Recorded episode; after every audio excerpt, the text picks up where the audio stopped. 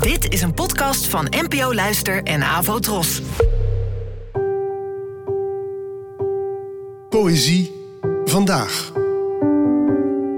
Met Ellen Dekwits.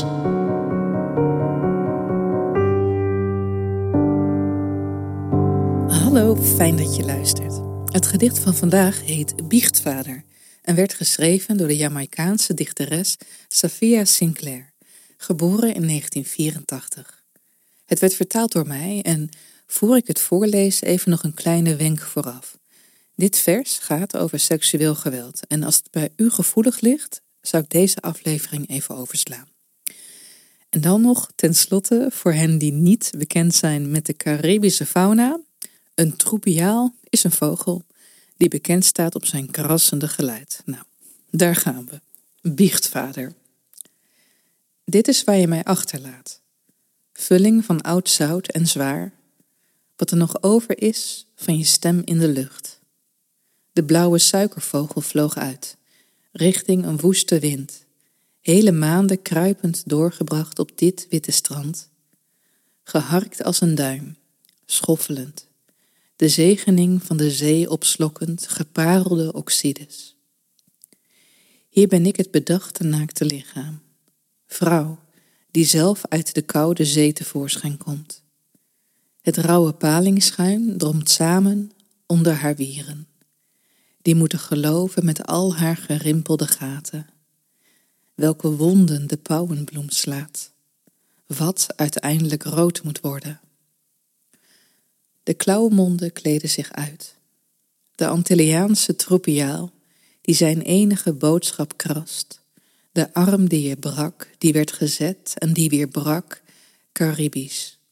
De lucht, een wond die ik lik, tot ik word ingelood, nieuw als een lam, hulpeloos in het kippengaas van mijn sekse. Ik laat iedere vreemdeling toe. Zie hoe mannen van gezicht veranderen, gelijk met de vervallen zon vuren tellen in de oprijzende gaten van hun pick-up wagens, lijnen van rotting, hun gehavende ramen bestuderend, nachtschade, mijn eigen keel dichtgeknepen tegen een harde hand. Dan wordt alles stil in mijn glinsterend oog. Alles wordt teruggeslagen.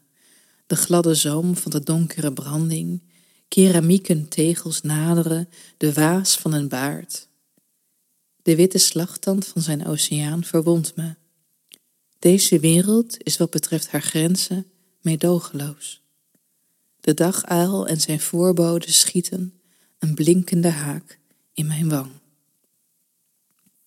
Ja, wat een overvloed aan beelden.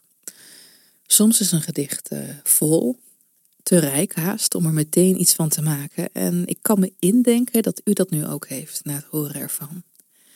En zelf vind ik het niet zo erg als ik niet alles meteen meekrijg. Het gaat bij gedichten ook niet om iets helemaal meteen te begrijpen. De grote Amerikaanse dichter T.S. Eliot schreef eens dat een versje kan raken zonder dat je hem meteen helemaal vat. En dat is hier voor mij zeker het geval. En toch kan je na het horen of lezen van een gedicht direct intuïties hebben.